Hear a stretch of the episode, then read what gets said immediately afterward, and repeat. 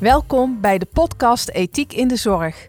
Ik ben José Krijnen, geestelijk verzorger van het Elisabeth Twee Steden Ziekenhuis en secretaris van de Commissie Ethiek. We gaan graag met u in gesprek over ethische kwesties.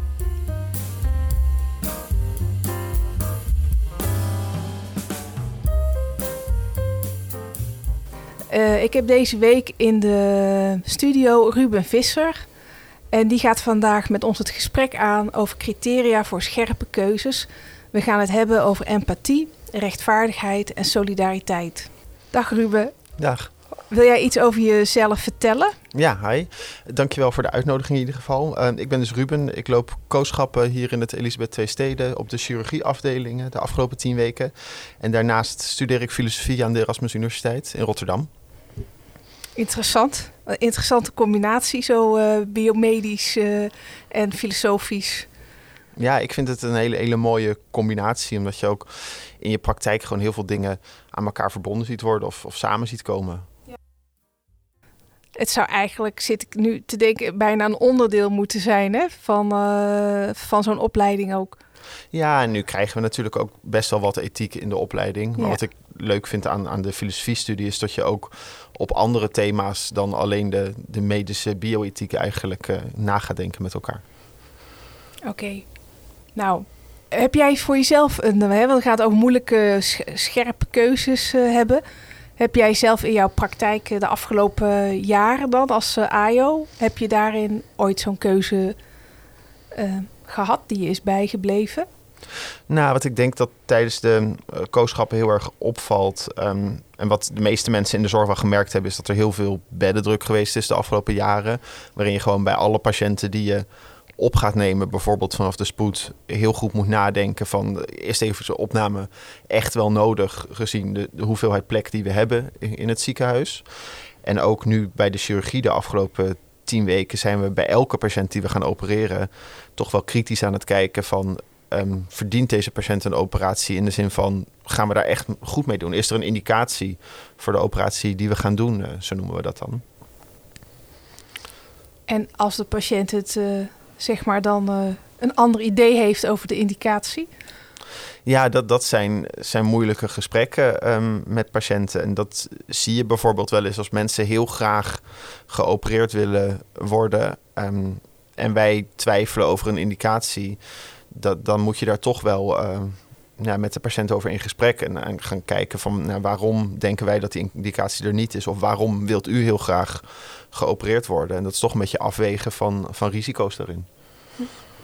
En andersom komt misschien ook soms voor dat de patiënt denkt, moet dat nou nog, maar dat jullie denken zonder je mist kansen als je niet... Uh toch nog een behandeling onder of ja, een ingreep ondergaat? Zeker, dat was zeker wat mij in mijn eerste week ook heel erg opviel. Dus het aantal mensen wat echt heel graag niet geopereerd wil worden. Dat je dat toch best wel veel ziet, dat mensen er toch terughoudend in zijn. En dan is het oh, eh, ja, goed om te kijken, is dat omdat ze er bang voor zijn of er geen weet van hebben, missen ze informatie ergens in? Of willen ze gewoon echt niet geopereerd worden? En is dat hun wens, eh, waar je natuurlijk respect voor moet hebben? Ja. Dus dat zijn ja, leuke, leuke keuzes in de zin van welke zorg moeten we iemand gaan bieden, uh, die daar toch eigenlijk elke dag wel die een beetje tegenkomt. Ja. ja. We hebben allebei uh, hetzelfde uh boek gelezen van Ignace ja. Davies, een uh, medisch filosofisch hoogleraar in Gent. En die heeft een boek geschreven over het empathisch teveel. En op zoek naar werkbare onverschilligheid heet het boek. Kun jij kort aangeven waar dat boek over gaat?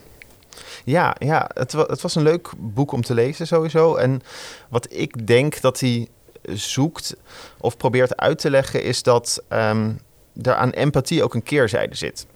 Wat we natuurlijk, empathie wordt heel erg gezien en uitgedragen als iets heel erg goeds. En nou je hoort ook best wel vaak, je moet gewoon meer eh, empathie hebben uh, voor je patiënten, voor de samenleving, voor wat dan ook. En dat wordt heel erg uitgedragen. Maar hij waarschuwt ons een beetje dat er ook een negatieve kant aan empathie kan zitten. Dat er ook een, uh, ja, je kan te veel aan empathie hebben. Het empathisch te veel noemt hij dat. Um, waarmee met name je systeem, hoe je je zorg hebt ingericht of hoe je je samenleving inricht, want hij houdt het iets algemener, um, niet altijd werkt. Dat, dat de empathie dingen ook in de weg kan zitten, tot er negatieve gevolgen aan zitten. Ja, hij heeft het zelfs over dat je in je empathie je empathische bedoelingen gekwetst kan raken en dat het dan zelfs naar een soort haat of uh, helemaal kan omslaan ook. Hè? Ja. Als een soort extreme voorbeelden noemt hij daar dan ook bij.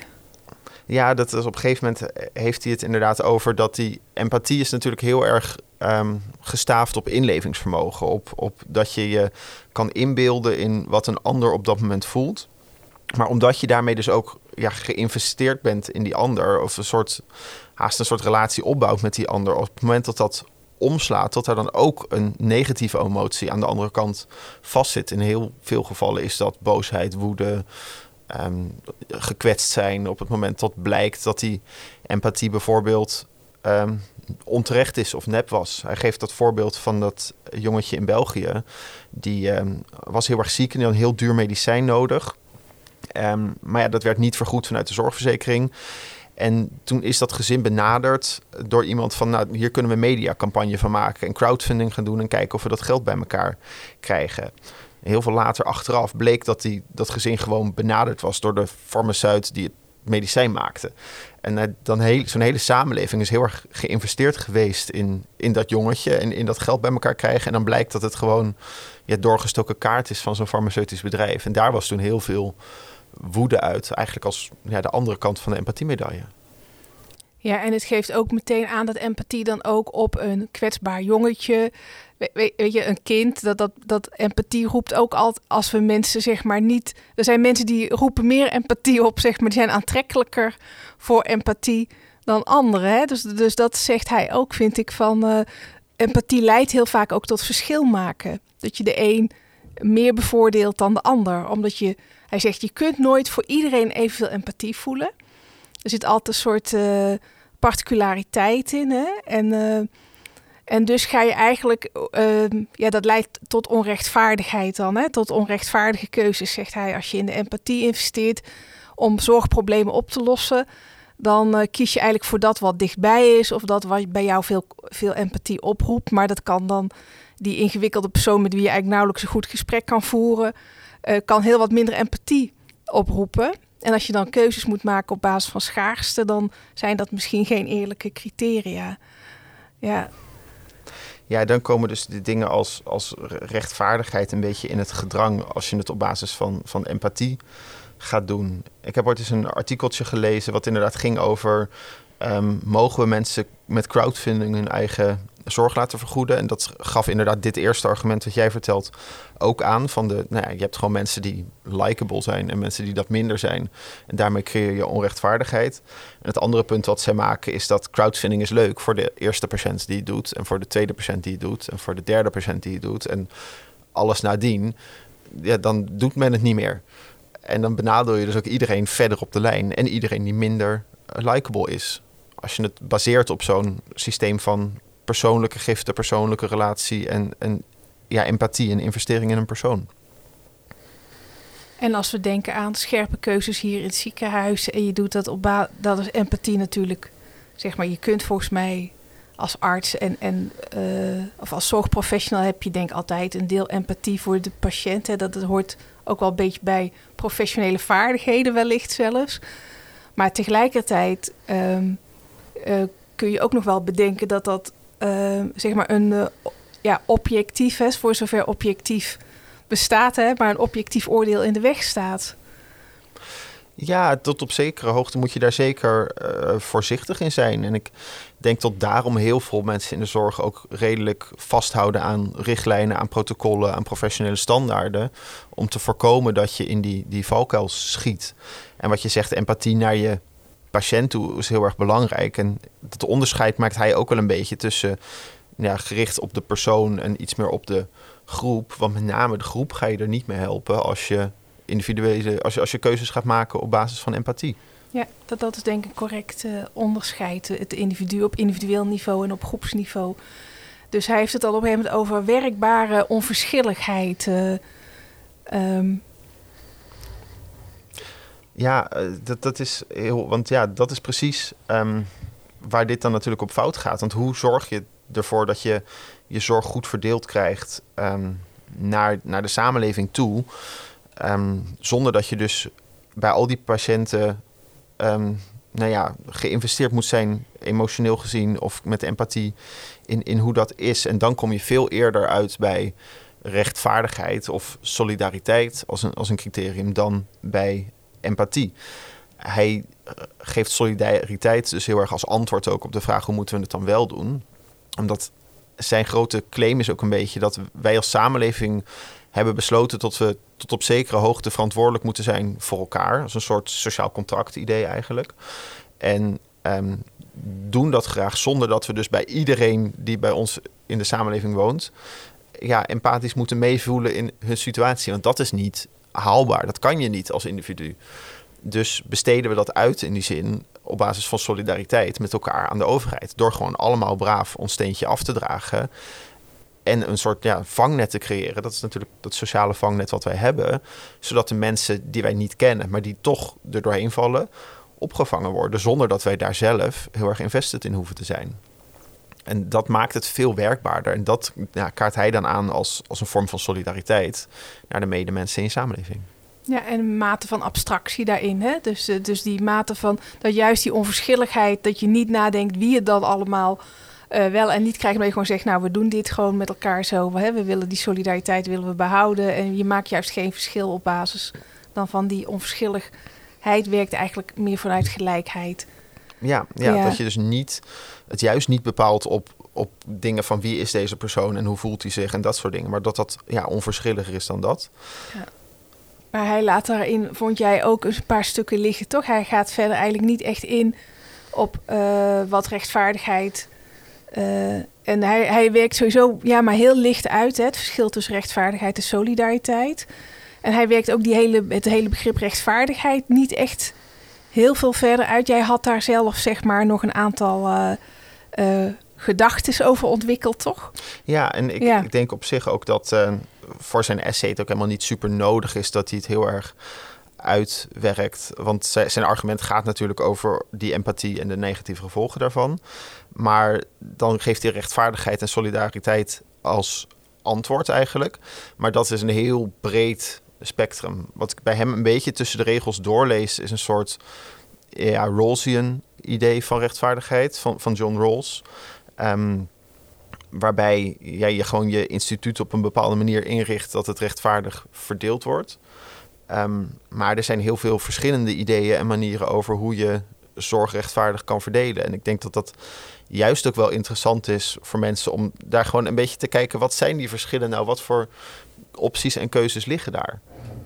Um, nou, om te beginnen met een, een, onderscheid is bijvoorbeeld het verschil tussen het maximin-principe en het maximaliseer-idee. Waarbij je bij maximin eigenlijk je zorg of je samenleving zo inricht dat je de mensen die het slechtste ervan af zijn, zoveel mogelijk prioriteit geeft. Dus ja, heel veel van de, de middelen die je hebt, richt je op de groep die gewoon er het allerslechtste aan toe is. Terwijl bij maximaliseren je juist probeert de mensen nee, zoveel mogelijk te creëren met de beperkte middelen die je hebt. Dus zoveel mogelijk gezondheid per euro. Dus eigenlijk het idee van maximaliseren. Ongeacht hoe gezond de mensen die je daarmee helpt eigenlijk al waren als startniveau.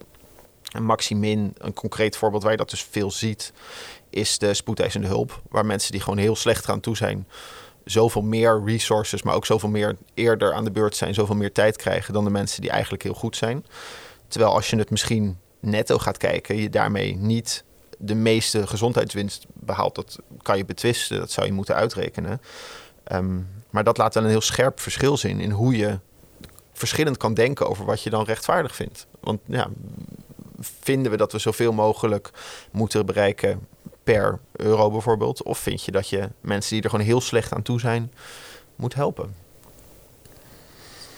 Spannend al. Ja, ja.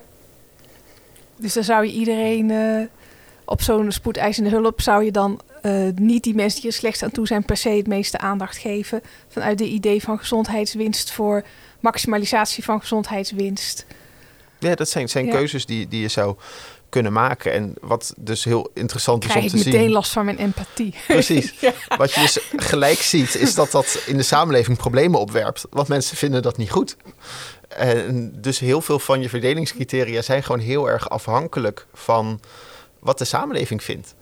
Uh, dat is wat Norman Daniels ook zegt in, in Justice, Health and Healthcare, een artikel van hem. Dat je kan wel heel veel nadenken over rechtvaardigheidstheorie, maar er zijn er zoveel verschillende. Je gaat dat gewoon niet.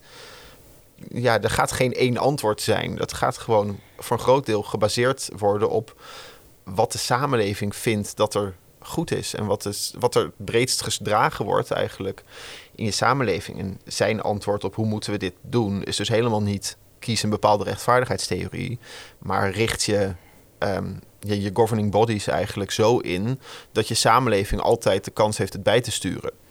En daar heeft hij een aantal criteria voor. En dat begint met alle keuzes die gemaakt worden daarin moeten publiekelijk beschikbaar zijn, zodat de samenleving weet wat de keuzes zijn, waarom die gemaakt zijn.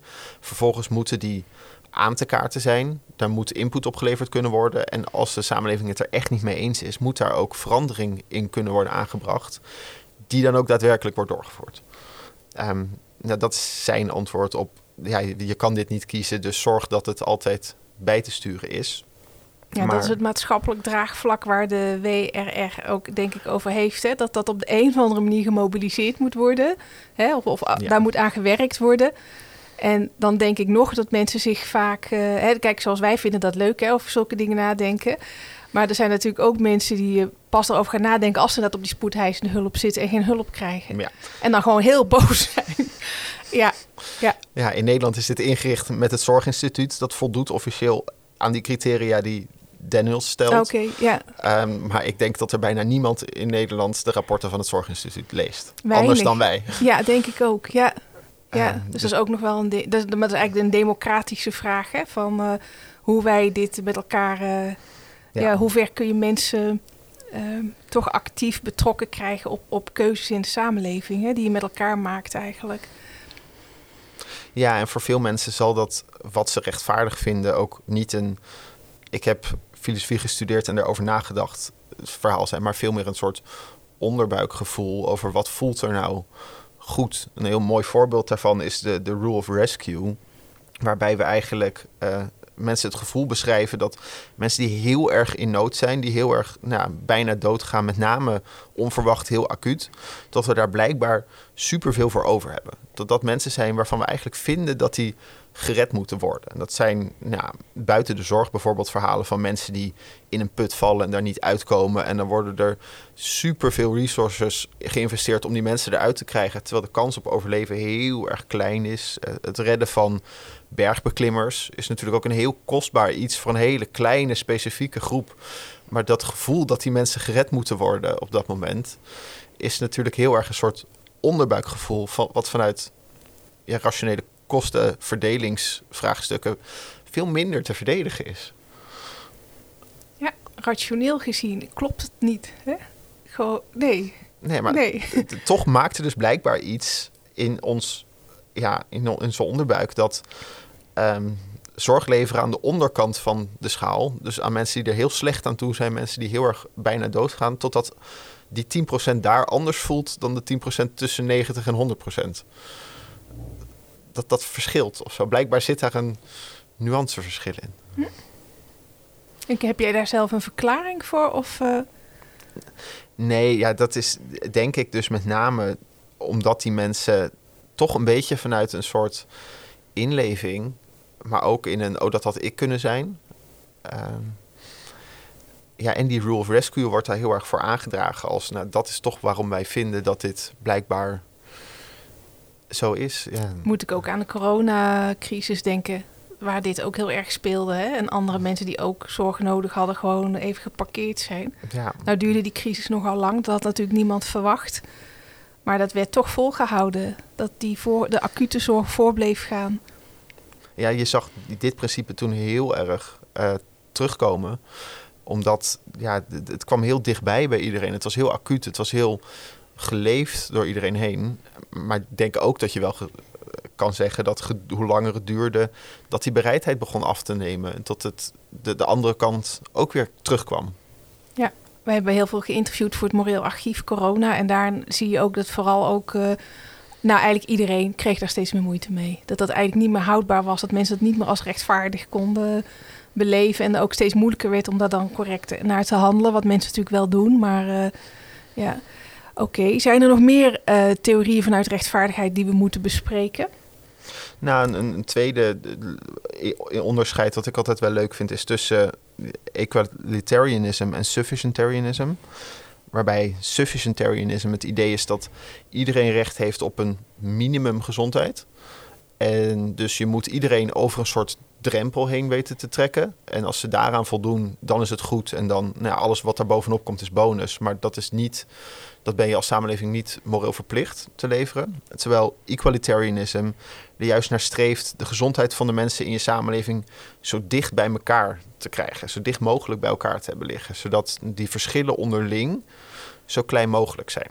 En dat betekent dus ook dat je best wel slechte gezondheid en slechte gezondheid is ook gelijke gezondheid. Um, dus dat is echt wel een ander idee dan je moet mensen over een soort, soort drempel heen trekken. En ook op basis van die twee ideeën kan je je zorg heel erg anders inrichten. Dan moet ik denken aan preventie bij die eerste of zo. Dat je mensen over de drempel heen wilt trekken. Of, uh... Ja, dat is voor een deel inderdaad uh, preventie. Um, wat ze heel vaak noemen daar is ook bijvoorbeeld basisinkomen. Ja. Waarbij je zorgt dat mensen in ieder geval um, toegang hebben tot eten, schoon water, uh, de, nou, dat soort dingen. Een soort voorzien in basisbehoeften. En daarbovenop is het meer een soort eigen verantwoordelijkheid wat mensen hebben. Um, dus dat, dat wordt daar ook wel vaak in genoemd.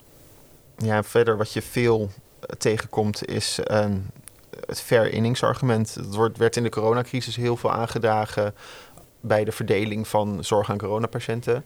En dat is het idee dat iedereen een soort recht heeft op een bepaalde hoeveelheid gezondheid in zijn leven. En daarmee dus oudere mensen die dat dus al gehad hebben, vaak afvallen ten nadele van uh, jonge mensen. Dat is heel veel kritiek geweest in de kranten ook over dat argument. Waarvan mensen vinden, ja, oudere mensen hebben daar gewoon net zoveel recht op. Maar ja, vanuit ver innings zou je zeggen, die hebben hun eerlijke deel aan leven al gehad. Dus laten we investeren in mensen die dat deel nog voor zich hebben liggen. Ja, en daarbinnen horen uitspraken als het dorre hout en zo, uh, toch? Er werden op een gegeven moment, er was toen heel veel uh, woede ook over. Dat iemand toen zei, ja, die oudere mensen, dat doorhout, dat moet je maar... Uh, ja, maar dat, dat, dat, is niet precies wat ze met het argument bedoelen. Dat hoorde je wel veel. Ja. Maar dat suggereert eerder dat die mensen te kwetsbaar zijn. Dat ze te makkelijk breken, dat ze het niet meer redden. Maar Ver Innings zegt, ja, ze hebben gewoon al zoveel geleefd en zoveel gezien en zoveel geluk gehad in hun leven. Laten we de mensen die dat nog allemaal niet gedaan hebben, uh, de kans geven dat ook te gaan beleven. Het is veel meer gericht op de jonge mensen die hebben nog een stuk leven niet gehad, wat de oudere mensen wel gehad hebben.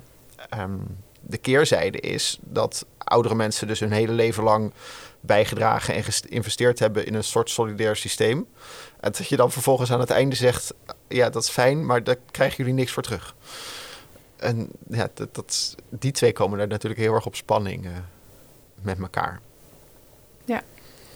Ja, leeftijd kan natuurlijk sowieso. Het, het, ligt wel gevoelig, heb ik het idee, om het over leeftijd te hebben als uh, een criterium. Terwijl op dit moment ook weer met die nieuwe scherpe keuzes die worden gemaakt, hè, blijkt dan dat uh, volgens mij werd gezegd iets van 40% van de hoeveelheid consumptie van gezondheidszorg die iemand heeft, wordt in die laatste fase uh, gebruikt. Dus dat is echt wel heel veel. Ja. Dus daar is wel een soort uh, kostenbesparing te maken die ook niet voor mensen per se vervelend hoeft te zijn op het moment dat ze uh, dus inderdaad in dat samen het gesprek voeren. Dat je toch probeert gewoon na te denken: heeft u dit nog echt nodig? Is dit wat u echt nu nog de kwaliteit van leven voor u bevordert? Hè? Ja, die cijfers spreken heel erg voor zich dat er heel veel kosten gemaakt worden. En deels is dat per definitie. Want je, dat is aan het eind van de leven. Je hebt geen zorg nodig aan het midden van je leven als je gezond bent, want dan is het het midden. Dus dat is deels natuurlijk per definitie. En deels omdat je dus inderdaad heel goed moet kijken. Wat hebben mensen echt nog nodig? En ik denk dat ook dat, dat onderbuikgevoel van de Rule of Rescue daar terugkomt. In de zin van, wij vinden dus ook blijkbaar dat we die mensen aan het einde van hun leven al die zorg moeten bieden. We hebben een soort gevoel dat ze dat verdienen, dat we daar voor op moeten komen, dat we daar ons uiterste best voor moeten doen voor die groep. Ja, is dat nog enigszins het empathisch te veel? Ik denk dat je op beleidsniveau daar zeker wel uh, op moet letten. Ja, tot je daar niet te veel je emotie in laat meespelen. En tot je, hij beschrijft heel mooi dat door die empathie je soms oogkleppen opkrijgt. En heel erg, omdat je dus gaat vernauwen op een individu en op een persoon en je daarin gaat inleven. Ja, het inzoom-effect noemt hij dat. Precies, het inzoom-effect. Dan komen er gewoon oogkleppen op waarmee je bepaalde dingen niet ziet. Als het jouw oma is. ja, ja, ook al is het eh, niet je oma, maar gewoon een, een lief dametje wat je niet kent, wat je ziet, die een leuk verhaal verteld heeft, die je gesproken hebt, waar je, ja, daar heb je mee gepraat, ze heeft verhalen verteld. Ook als je het daarvoor niet kende, zoom je automatisch toch een beetje in op zo'n persoon. Ja, en als je dan, weet je, het is altijd zo naar, hè, dit soort dingen. Dus, maar als je dat dan vergelijkt met iemand die dan inderdaad een stuk jonger is en ook die zorg op dat moment nodig heeft, en je moet dan tussen een van de twee kiezen, dat, hè, dan krijg je een beetje wat jij zegt van, kies je dan op basis van dat een ander nog perspectief heeft en ook nog uh, geluk wilt hebben en, en een stuk leven wilt kunnen leven. Hè, ik, hij blijft in het. Ik vind hem in abstractie dus ook heel, heel plausibel. Hè? Maar op het moment dat je dan daar twee mensen naast elkaar zet en je ziet ze allebei, dus dan kom, krijg je empathie weer en denk je, jeetje, dan is het nogal. Uh, ja, ja, nou, dat ja. zag je heel mooi gebeuren bij de coronacrisis. Ja. Dat, dat, je dat, dat mensen heel erg tegen precies dat gevoel aanliepen. Ja, ja. En tegelijkertijd, hoe goed kom je er nog uit? Hè? Als je, nou ja, dat is dan dat men heel erg probeert nu in te, in te zoomen eigenlijk hè, op die uh, persoonlijke gesprekken en het samen goed beslissen. En er stond een ontzettend goede column deze week, vond ik in de NRC, van ja, maar het is nooit win-win. Zelfs als je het van tevoren zo bedenkt, hè, op het moment dat je zelf dood moet, hè, dat je weet dat je doodgaat, dan uh, want er zijn ook allerlei dingen, allemaal van die wijze dingen. Nu om leren gaan met dood, om leren gaan met lijden. Nou, als geestelijke verzorger ben ik er ook altijd de hele dag mee bezig. Maar op het moment dat je zover bent, dan kunnen mensen toch verschrikkelijk terugdeinzen. Weet je wel, van ja, hallo, ik wil helemaal niet, weet je wel. En, en dan, zelfs al heb je van tevoren bepaald, nee, ik wil niet geen meer. Maar op het moment dat je ligt stikken, ja, weet je wel, help me, help me. Dat, dat is ook nog zo'n ding, hè. Van, uh, en dan nog heb je dat goede gesprek nodig, maar je zult het misschien dan nog niet altijd goed kunnen doen er is altijd, altijd dat, dat nare stuk van dat je, ja, wat gewoon toch niet, het is gewoon niet lekker om te stikken, weet je Ja, ja en, en op het moment dat je, het is maar de vraag of je dan uh, heel sereen kan uh, sterven en zo, hè? Of je, of je dat op dat moment aan kan, of, of zeg nou, ja, het ligt nog. Maar of je dan daarin kan berusten, zeg maar. Ja, en daarom is het denk ik ook goed dat dit soort verdeelvragen op beleidsniveau niet naar de individuen toe komen. Dat het niet door individuele artsen op de werkvloer bepaald wordt. Dat het mhm. niet door individuele patiënten een vraag is waar ze mee zitten. Je legt best een druk op mensen met dit soort keuzes. Maar als je het niet in de particuliere situaties apart bekijkt, dan krijg je ook een vorm van meedogenloze abstractie die misschien ook niet altijd klopt bij de levende praktijken. Ja, je, je, abstraheert wel. En daarmee moet je altijd opletten dat het past bij de werkelijkheid. Dat is zeker waar. Maar ik denk dat dat ook juist wel een beetje die werkbare onverschilligheid is eh, waar hij over praat. Uh. Ja, ja, ik denk ik ook. En ik vraag me ook uh, af, als je gewoon naar de cijfers kijkt, dat is niet haalbaar. Dus er zullen gewoon keuzes gemaakt worden. En dan moet je daar toch over nadenken op basis waarvan. Ja, ja en dat, dat is, daar, er zijn heel veel ideeën over wat je vindt, wat je kan doen als samenleving. Um, maar ja, uiteindelijk is het belangrijkste dat er gewoon draagvlak voor is. Want ja, als er geen draagvlak voor is, dan vervalt de solidariteit eigenlijk van een. Want die is dus heel erg, die solidariteit van je samenleving is heel erg gestaafd op wat er als draagvlak is. Mensen zijn niet solidair aan een systeem waar ze niet in geloven. Nee, en het moet dus in die zin voor mensen ook als rechtvaardig overkomen. Hè, zo. Heb je dat uh, stukje nog gelezen van uh, Willemijn, uh, Willemine, Willemine Willemsen, haar promotie over rechtvaardigheid? Ja, ik heb het even, even kort doorgelezen. waarin dus die, die praten over inderdaad wat mensen ervaren als rechtvaardigheid. En ik vond het vooral wel leuk dat dat dus blijkbaar heel erg kan verschillen tussen patiënten in de spreekkamer. Maar misschien kan je daar zelf ook iets meer over vertellen. Ja, ik vond het ook leuk om te lezen. Dat de ene voelt zich niet gehoord, die denkt uh, uh, hij neemt me helemaal niet serieus. En op het moment dat de arts zegt uh, van nee hoor, daar zit het hem niet in. Ik zal je mijn denkstappen goed uitleggen waarom ik denk dat je niet meer in een behandeling moet. En op het moment die dat dan medisch goed aan haar uitlegt wat zijn overwegingen zijn, kan ze er prima mee leven. Of ja, vindt ze het zo, dan kan ze het accepteren en er goed mee omgaan. En een ander die wil juist uh, wel dat die ander ook meer vraagt naar haar context en haar psychische, uh, haar, haar, mentale welzijn, zeg maar. En voelt zich dan heel rechtvaardig behandeld.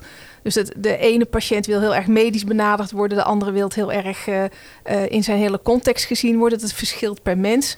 En zij heeft het dan over rechtvaardigheidswerk. Dus dat je met elkaar in de spreekkamer allebei eigenlijk navigeert vanuit je eigen kennis en elkaar daarin probeert te vinden. Ja, en dat is ideaal als dat lukt. Dat, je, hè, dat jij als arts uh, je professionaliteit goed kan doen. En dat je ja, je beroep gewoon goed uit kan oefenen. En dat de patiënt zich uh, gehoord, gezien uh, voelt. Hè, er mee kan werken aan, aan wat het beste lijkt op dat moment. Ja, dat, dat is de ideale situatie. Ja, en dat blijkt dus toch een zoeken te zijn. Dus, dat, ja. dus dat, dat, dus dat die dat soort discrepantie hè, tussen abstracte rechtvaardigheidsprincipes, waarin, waar mensen achter kunnen staan en daar de solidariteit op kunnen brengen. Dus een deel van hun inkomen willen leveren. En uh, naast dat je in de spreekkamer altijd het zoeken zal hebben naar wat het juiste is op dat moment, wat binnen de mogelijkheden. Ja, en zij, had daar ook nog een klein stukje over, inderdaad, uh, protocollen en protocolair werken. Dat als dat heel erg werd uitgelegd, dat patiënten dat ook heel erg begrijpen en dus ook blijkbaar best wel heel erg als rechtvaardig ervaren. Gewoon omdat. Ja, ook juist wel. Ja. Precies. Zolang dat maar verteld werd en uitgelegd werd en ze maar meegenomen werd, werden in ja, hoe dat werkte. Ja, en komt daar dan niet toch ook haast weer een soort empathie om de hoek kijken? Dat je dus moet inleveren, blijkbaar in hoe die patiënt zich voelt op dat moment. Wat zij voelen als rechtvaardig. Ja, naast een soort uh, gecondenseerde abstractie in die protocollen. Ja, en daarmee hou je natuurlijk een soort veiligheid. Uh, ja, en de idee dat men weet wat men doet.